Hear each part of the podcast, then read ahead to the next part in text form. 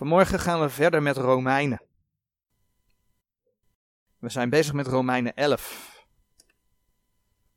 Romeinen 11 hebben we de laatste keer vers 27 van bekeken. En vanmorgen willen we stilstaan bij de versen 28 tot en met 36. De laatste keer dat we bij Romeinen stilstonden, toen hebben we gekeken naar het nieuwe verbond. Het nieuwe verbond dat de Heer God met Israël nog gaat oprichten. Het nieuwe verbond dat weliswaar geestelijk gezien nu al betrekkingen heeft op de gemeente. Maar dat niet wegneemt dat dat nieuwe verbond, dat de belofte die de Heer God met het volk Israël sloot, dat die belofte gewoon blijft staan. Aan het eind van de grote verdrukking, wanneer Israël tot bekering komt, dan richtte de Heer met hen dat nieuwe verbond op. En dan laat de Heer ook zien dat een ieder van het volk hem zal kennen. Hun zonden zullen dan vergeven worden, staat er geschreven. En dan gaan we verder lezen bij vers 28. Romeinen 11, vers 28. Zo zijn zij wel vijanden aangaande het evangelium uwentwil, maar aangaande de verkiezing zijn zij beminden om der vaderen wil. Want de genadegiften en de roeping God zijn onberouwelijk. Want gelijkerwijs ook gij lieden eertijds goden ongehoorzaam geweest zijt, maar nu barmhartigheid verkregen hebt door de ongehoorzaamheid van deze. Alzo zijn ook deze ongehoorzaam geweest, opdat ook zij door uw barmhartigheid zouden barmhartigheid verkrijgen. Want God heeft hen alle onder de ongehoorzaamheid besloten, opdat hij hun allen zou barmhartig zijn. O diepte des rijkdoms, beide der wijsheid en der kennis Gods, hoe ondoorzoekelijk zijn zijn oordelen en onnaspeurlijk zijn wegen. Want wie heeft de zin des Heren gekend? Of wie is zijn raadsman geweest? Of wie heeft hem eerst gegeven en het zal hem weder vergolden worden? Want uit hem en door hem en tot hem zijn alle dingen. Hem zij de heerlijkheid in der eeuwigheid. Amen. In Romeinen 11 vers 28 hebben we zojuist gelezen zo zijn zij wel vijanden aangaande het evangelium uwentwil, maar aangaande de verkiezing zijn zij beminden om der vaderen wil. In Romeinen 10 vers 19 en 11 vers 14 hebben we gezien dat de schrift zegt dat ja, zodra de boodschap van Gods woord aan de heidenen verkondigd wordt, dat dat jaloersheid opwekt bij de Joden en dat de jaloersheid leidt tot boosheid. We hebben daar in de schriften diverse voorbeelden van gezien. Dat de Joden tot toren verwekt werden. Een Bijbels voorbeeld hebben we gezien dat de Heer Jezus over heidenen sprak, waar de God voor zorgde in het Oude Testament. Daar werden de Joden boos over. We hebben gezien dat Paulus sprak over dat hij naar de heidenen ging. Van de Heer Jezus, dat is te vinden in Lucas 4, vers 24 tot en met 30. En, en van Paulus in Handelingen 21, vers 21 tot en met 23. En de Joden werden boos. Uiteindelijk was het doel dat ze zouden gaan nadenken. En dat ze de Heer zouden gaan vinden. Dat staat dan in Romeinen 11, vers 14. En vandaag de dag is dat voor een groot deel van het Joodse volk niet anders. Als ze het evangelie der genade Gods horen, dan worden ze jaloers, dan worden ze boos. En dat is wat we in Romeinen 11, vers 28 lezen, dat zij vijanden aangaande het evangelie zijn. Maar dan hebben we in het tweede deel van het vers gelezen dat zij aangaande de verkiezing beminden zijn om der vaderen wil. Nou, in deze tijd natuurlijk een gevaarlijk woordje, dat woordje verkiezing. Nou, het is niet gevaarlijk, want het zijn Gods woorden, maar er wordt vaak heel anders naar gekeken. Dat woordje verkiezing heeft hier helemaal niets te maken met bijbelse uitverkiezingen. Ik zeg expres bijbelse uitverkiezing, want er is natuurlijk ook de Calvinistische uitverkiezing. Dat is alweer heel wat anders. Dat staat naast Gods woord. Dat heeft niks met Gods woord te maken. Maar er is ook bijbelse uitverkiezing. Daar gaan we het nu niet over hebben. Maar die verkiezing, bijbelse uitverkiezing, die dus ook voor de gemeente is. Efeze 1, vers 3 tot en met 11. In Christus. Maar daar heeft dit helemaal niks mee te maken. De context van dit gedeelte is Israël. En dan bladeren we naar Deuteronomium. Deuteronomium 7. Het is de Heere die Israël uitgekozen heeft. Het is de Heere die Israël uitgekozen heeft en dat lezen we bijvoorbeeld in Deuteronomium 7 vers 6. Want gij zijt een heilig volk den Heere uw God. U heeft de Heere uw God verkoren dat gij hem tot een volk des eigendoms zoudt zijn uit alle volken die op de aardbodem zijn. Dat zegt de Heere God in de wet al tegen het volk Israël. Ja, dan weten we dat Israël de zegen en de vloek is voorgehouden.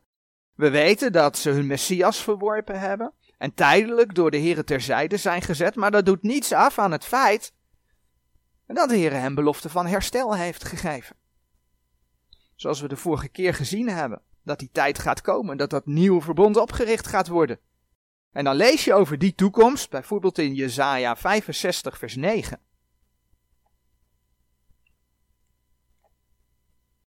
Jesaja 65 vers 9.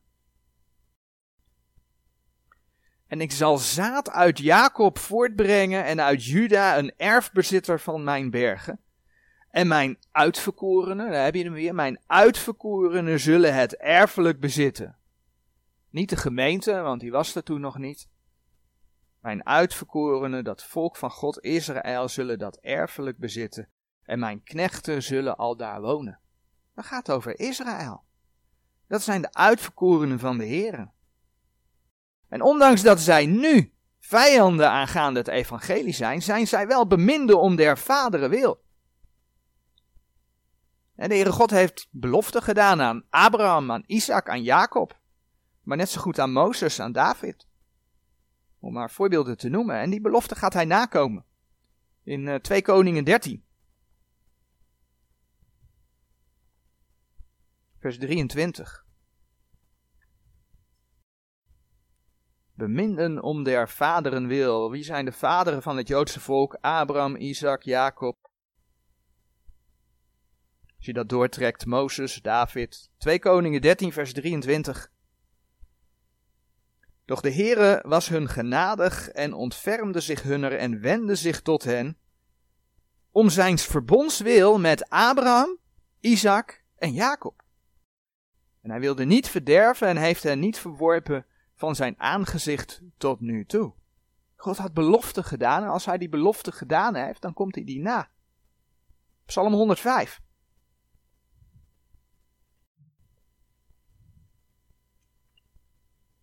Psalm 105 vanaf vers 6.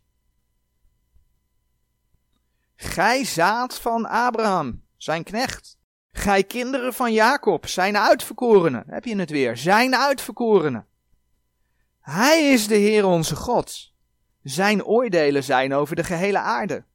Hij gedenkt zijn verbond tot in de eeuwigheid. Het woord dat hij ingesteld heeft tot in duizend geslachten. Israël zijn uitverkorenen. En dat verbond wat hij gemaakt heeft, dat houdt hij. Dan kun je ook nog Psalm 132 vers 11 bij opzoeken. Kortom, de Heere laat zijn woorden in vervulling gaan. Hij is getrouw. En dan lezen we in vers 29 van Romeinen 11. Want de genadegiften en de roeping Gods zijn onberouwelijk.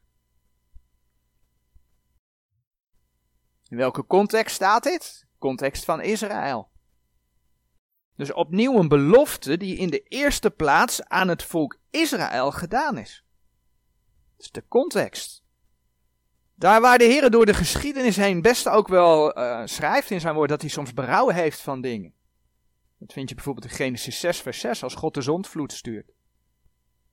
Daar doet hij zijn woorden gestand. Als hij beloften gedaan heeft, dan voert hij ze uit. Dan heeft hij geen berouw. Nou, en dat wordt hier dus, hè, eh, Romeinen 11, vers 29, met betrekking tot Israël bevestigd. En ja, die tekst kun je geestelijk gezien op andere beloften toepassen, dus ook op de gemeente. Want als de Heer zijn woord gegeven heeft, dan houdt hij stand. Hij is getrouw. Romeinen 3, vers 4. Romeinen 3, vers 4 zegt zo mooi. Doch God zij waarachtig, maar alle mens leugenachtig, gelijk als geschreven is, opdat gij gerechtvaardigd wordt in uw woorden en overwint wanneer gij oordeelt. Opdat gij gerechtvaardigd wordt in uw woorden en overwint wanneer gij oordeelt. Maar het is mooi om dit gedeelte te zien dat de Heere met betrekking tot zijn volk spreekt over de verkiezing. Dat de Joden dus zijn uitverkorenen zijn. Een tekst die nog wel eens aangehaald wordt in de eindtijd. Voor de gemeente, voor ons vandaag de dag, is Matthäus 24, vers 22. Matthäus 24, vers 22. Daar staat geschreven: En zo die dagen niet verkort werden, geen vlees zou behouden worden, maar om der uitverkorene wil, zullen die dagen verkort worden. Maar denken de mensen dan, oh, het gaat zo erg worden, de Heer gaat voor ons de dagen verkorten. Maar de context gaat niet over de gemeente. Ik bedoel, vers 21 spreekt over grote verdrukking. Vers 29 spreekt over de tweede komst van de Heer Jezus. Vers 29 en vers 30. De gemeente is dan al opgenomen. En is dus dan al bij haar heren. De context is Israël. Die uitverkorene is daar Israël. Het betreft dus de Joden. Het feit dat die dagen verkort gaan worden, hoe dat dan ook zal zijn, hè? Maar het feit dat die dagen verkort gaan worden, heeft dus niets te maken met de gemeentetijd, heeft niets te maken met de laatste dagen waar wij in leven. De laatste dagen van de gemeentetijd. Want het is natuurlijk ook niet de laatste dagen van deze aarde, want deze aarde draait door, ook in de grote verdrukking, sterker nog. Na de grote verdrukking ook, want dan komt de Heer terug, dan wordt de aarde wedergeboren. Maar de Heer zal dan regeren op deze aarde. Het is pas na duizend jaar dat zelfs de Satan nog een korte tijd is losgelaten, aan het eind van die duizend, dat er een nieuwe hemel en een nieuwe aarde komt. Dan pas. Dus de laatste dagen van de gemeentetijd heeft dit geen betrekking op. Het heeft betrekking op. Het heeft betrekking op Israël in de grote verdrukking. Romeinen 11, vers 28. Hebben we dus gelezen dat de Joden vijanden aangaande het evangelie zijn om uwentwil.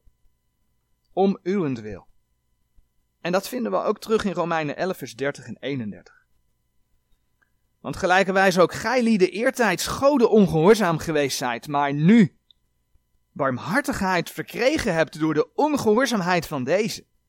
Alzo zijn ook deze nu ongehoorzaam geweest, opdat ook zij door uw barmhartigheid zouden barmhartigheid verkrijgen. er worden weer groepen aangesproken. De gelovigen uit de heidenen, de gemeente en de joden. De heidenen leefden eerst zonder God. De heidenen leefden daardoor in ongehoorzaamheid aan de Heere God. Efeze spreekt daar heel mooi over als je Efeze 2 vers 12 leest. Dan staat daar dat gij in die tijd waart zonder Christus. Efeze 2 vers 12. Dat gij in die tijd waart zonder Christus, vervreemd van het burgerschap Israëls. En vreemdelingen van de verbonden der belofte, geen hoop hebbende en zonder God in de wereld. Zonder God in de wereld. Vreemdelingen van de verbonden. En ja, dat betekende ongehoorzaamheid. Kijk maar in Efeze 2, vers 1 en 2. En u heeft hij medelevend gemaakt, daar gij dood waart door de misdaden en de zonden, in welke gij eertijds gewandeld hebt, naar de eeuw deze wereld, naar de overste van de macht der lucht, van de geest die nu werkt in de kinderen der ongehoorzaamheid. Maar doordat Israël de Messias verworpen heeft, is het heil tot de heidenen gekomen. God heeft de heidenen barmhartigheid gegeven om hem aan te kunnen nemen. Efeze 2 vers 4 dat gaat over de wedergeboorte. Zegt dus in het kader van de wedergeboorte dat, dat heidenen in Christus levend geworden zijn. Zegt Efeze 2 vers 4. Maar God die rijk is in barmhartigheid. Door zijn grote liefde waarmee hij ons lief gehad heeft. Dat is Gods barmhartigheid. Dus het is Gods barmhartigheid dat de zaligheid tot de heidenen gekomen is. Het is Gods barmhartigheid dat het hel, dat de redding ook tot jou gekomen is. Dat is Gods barmhartigheid. En eigenlijk hebben we daar al bij stilgestaan in Romeinen 11, vers 11 en 12. Want daar staat het gewoon. Romeinen 11, vers 11 en 12. Zo zeg ik dan, hebben zij, dat het gaat over Israël, hebben zij gestruikeld opdat zij vallen zouden, dat zij verre. Maar door hun val is de zaligheid de heidenen geworden om hen tot jaloersheid te verwekken. En indien hun val de rijkdom is der wereld en hun vermindering de rijkdom der heidenen, hoeveel te meer hun volheid. Zoals de heidenen eerst ongehoorzaam waren en de barmhartigheid tot redding ontvangen hebben, zo is het grootste deel van het Joodse volk nu ongehoorzaam, maar zullen zij Gods barmhartigheid ontvangen. En nee, dat gaat niet automatisch. Gods woord laat zien dat het volk tot bekering gaat komen. Ze moeten notabene door die grote verdrukking heen, maar dan gaan ze wel tot bekering komen. En dan zegt Romeinen 11, vers 32 nog. Romeinen 11, vers 32. Want God heeft hen alle onder de ongehoorzaamheid besloten, opdat hij hun alle zou barmhartig zijn. God heeft de heidenen onder de ongehoorzaamheid besloten. Dat hebben we net gelezen in vers 30. Maar God heeft ook de Joden onder de ongehoorzaamheid besloten. Allemaal. Romeinen 3, vers 33. Want zij allen hebben gezondigd en derven de heerlijkheid Gods. Maar door hen allen onder de ongehoorzaamheid te besluiten, kunnen zij deel krijgen aan de redding in Jezus Christus. En dat is Gods barmhartigheid. Dat zegt Galaten 3, vers 22. Galaten 3, vers 22. Maar de schrift heeft het alles onder de zonde besloten, opdat de belofte uit het geloof van Jezus Christus de gelovige zou gegeven worden. In deze tijd door de wedergeboorte, en nee, niet alleen voor de heidenen, ook voor de joden. Gelaten 3 vers 28, de Heere God maakt geen onderscheid. Maar ja, de joden hebben wel deels die verharding. En daarom zijn de joden beminden om der vaderen wil omdat het heil door hun val tot de heidenen is gekomen, komt er een moment dat zij, en die belofte heeft geen enkel ander volk, maar zij zullen als natie tot bekering komen en zullen door de Heere vergeving ontvangen als natie, als volk. En zo heeft de Heere het in zijn wijsheid besloten, Romeinen 11 vers 33 en 34. O diepte des rijkdoms, beide der wijsheid en der kennis Gods. Hoe ondoorzoekelijk zijn zijn oordelen en onnaspeurlijk zijn wegen. Want wie heeft de zin des Heren gekend, of wie is zijn raadsman geweest? Als mensen, als mens kunnen we Gods oordelen en Gods wegen niet doorgronden. Dat lukt niet. Daar hebben we zijn openbaring in zijn woorden voor nodig. En dan nog, moet je tot wedergeboorte komen, wil je iets met dat woord kunnen, want de mens van nature begrijpt dat woord niet. 1 Korinthe 2 vers 14. De natuurlijke mens maakt daar niets van. Gods wegen zijn nou eenmaal hoger dan onze wegen, hè? 1 Korinthe 2 vers 9 en 10. Maar gelijk geschreven is, hetgeen het oog niet heeft gezien en het oor niet heeft gehoord, en in het hart des mensen niet is opgeklommen, hetgeen God bereid heeft, dien die hem lief hebben. De God heeft het ons geopenbaard door zijn geest, want de geest onderzoekt alle dingen, ook de diepte Gods. In Pinkster en charismatische kring koppelen ze dat los.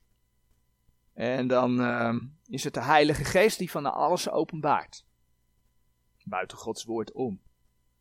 Maar je kunt dat niet loskoppelen. De Heere openbaart zich door zijn woord. Door zijn woorden. Dus door de wedergeboorte mag je dan Gods wijsheid spreken. Waarom? Omdat je Gods woorden kent. Mag je leren om Gods woorden te spreken. 1 Korinthe 2 vers 7 zegt. 1 Korinthe 2 vers 7. Maar wij spreken de wijsheid Gods, bestaande in verborgenheid die bedekt was, welke God tevoren verordineerd heeft tot onze heerlijkheid, eer de wereld was. Ja, en dan zegt de Romeinen 11, eh, vers 34. Of wie is zijn raadsman geweest? We komen dat bij Job tegen. Job, die, dat lees je in het begin, die, ja, die leefde tot eer van de Heere God. En toch, als je dan dat boek Job door gaat lezen, dan zie je dat Job een probleem had met hoogmoed. Laten we Job uh, opzoeken. Job 28. En dat hij in feite de Heere ter verantwoording riep over datgene ja, wat hem overkwam. En laten we wel wezen, dat was niet niks wat hem overkwam. Hij raakte alles kwijt. Het was dat hij nog niet overleed, maar voor de rest, hij was ziek, hij was alles kwijtgeraakt. Dus dat was niet niks. Maar toch riep hij de Heere ter verantwoording. En dan zegt de Heere tegen Job, die dus in Job 38, vers 2 en 3. Wie is hij die den raad verduistert met woorden zonder wetenschap? Gort nu als een man uw lendenen, zo zal ik u vragen en onderricht mij. dus Job die het goed weet, zegt Heere God tegen hem, nou ga mij dan maar eens even onderrichten. Gedraag je dan nu maar eens even als man. Maar ja, als mens de Heere onderrichten, dat gaat niet. In Job 40, vers 3 en 4 lezen we het volgende. Waar de Heere God weer spreekt. Waar de Heere God opnieuw spreekt, zo bedoel ik hem. En ja, hij weer spreekt Job. 40 vers 3. Zult gij ook mijn oordeel te niet maken? Zult gij mij verdoemen, opdat gij rechtvaardig zijt? Zegt God tegen Job. Hebt gij een arm gelijk God en kunt gij gelijk hij met de stem donderen? En dan lezen we in 42 vers 2 tot en met 4. Als Job, uh, ja, doorheeft dat hij inderdaad hoogmoedig is geweest. Dan zegt Job tegen de Heere God, ik weet dat gij alles vermoogt en dat geen van uw gedachten kan afgesneden worden. Wie is hij, zegt gij, die de raad verbergt zonder wetenschap? Zo heb ik dan verhaald hetgeen ik niet verstond. Dingen die voor mij te wonderbaarlijk waren, die ik niet wist. Hoor toch, en ik zal spreken. Ik zal u vragen en onderricht gij mij. En dat is de juiste weg. Als mens zijn we zo nietig tegenover een almachtige schepper. Wij hebben hem helemaal niets te onderrichten of aan te raden. Het is de Heere die de mens onderricht, die de mens raad geeft. Dat zegt uh, Romeinen 11 vers 35. Of wie heeft hem eerst gegeven en het zal hem weder vergolden worden. De mens heeft de Heere niets gegeven, waardoor de Heere schuldig zou zijn om iets terug te geven. Nee, dat is andersom. De Heere heeft alles gegeven en als mens zijn wij schuldig om hem daarvan ook iets terug te geven. Zoals bijvoorbeeld 1 Johannes 4 vers 19 zegt. 1 Johannes 4 vers 19. Wij hebben Hem lief, omdat Hij ons eerst lief gehad heeft. We kunnen alleen maar lief hebben, Hem lief hebben, omdat Hij ons lief gehad heeft.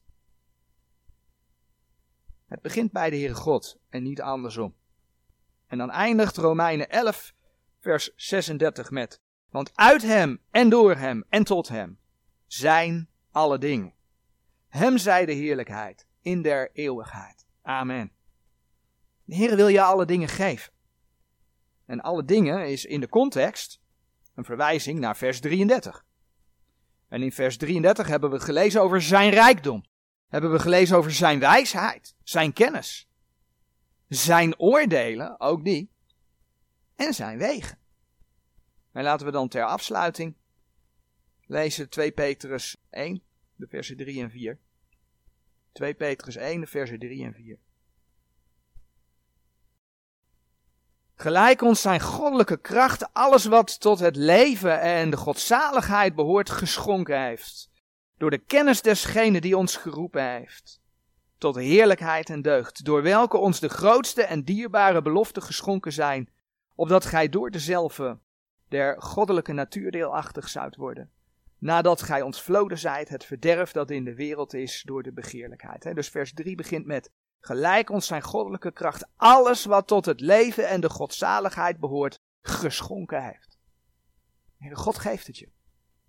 Als je dan terugdenkt, de context met Israël, en denkt aan, uh, even kijken hoe staat het er, Romeinen 11. Romeinen 11 vers 34, of wie is zijn raadsman geweest?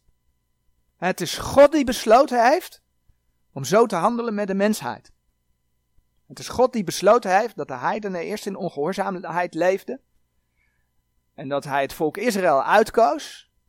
Maar dat het volk Israël niet luisterde, ongehoorzaam werd. Dat daardoor de heidenen ook het heil kregen. En dat uiteindelijk zij nu ongehoorzaamheid zijn, maar dat God hen barmhartigheid schenkt. Omdat zij beminden der vader, om der vader en wil zijn. Dat is Gods beslissing. En wie zijn wij als mensen om daar iets tegen in te brengen? Dat is eigenlijk wat daar dus staat. Mensen die zeggen wij zijn Israël. En dat doen ze dan vaak om de mooie belofte. Dan vergeten ze alle andere dingen die er staan. Maar God heeft gesproken. Hij volvoert zijn woord. En laten we hem daarom, want daar sluit vers 36 mee af, hè. Hem zij de heerlijkheid in der eeuwigheid. Amen. Laten we hem daar de eer van geven. Amen.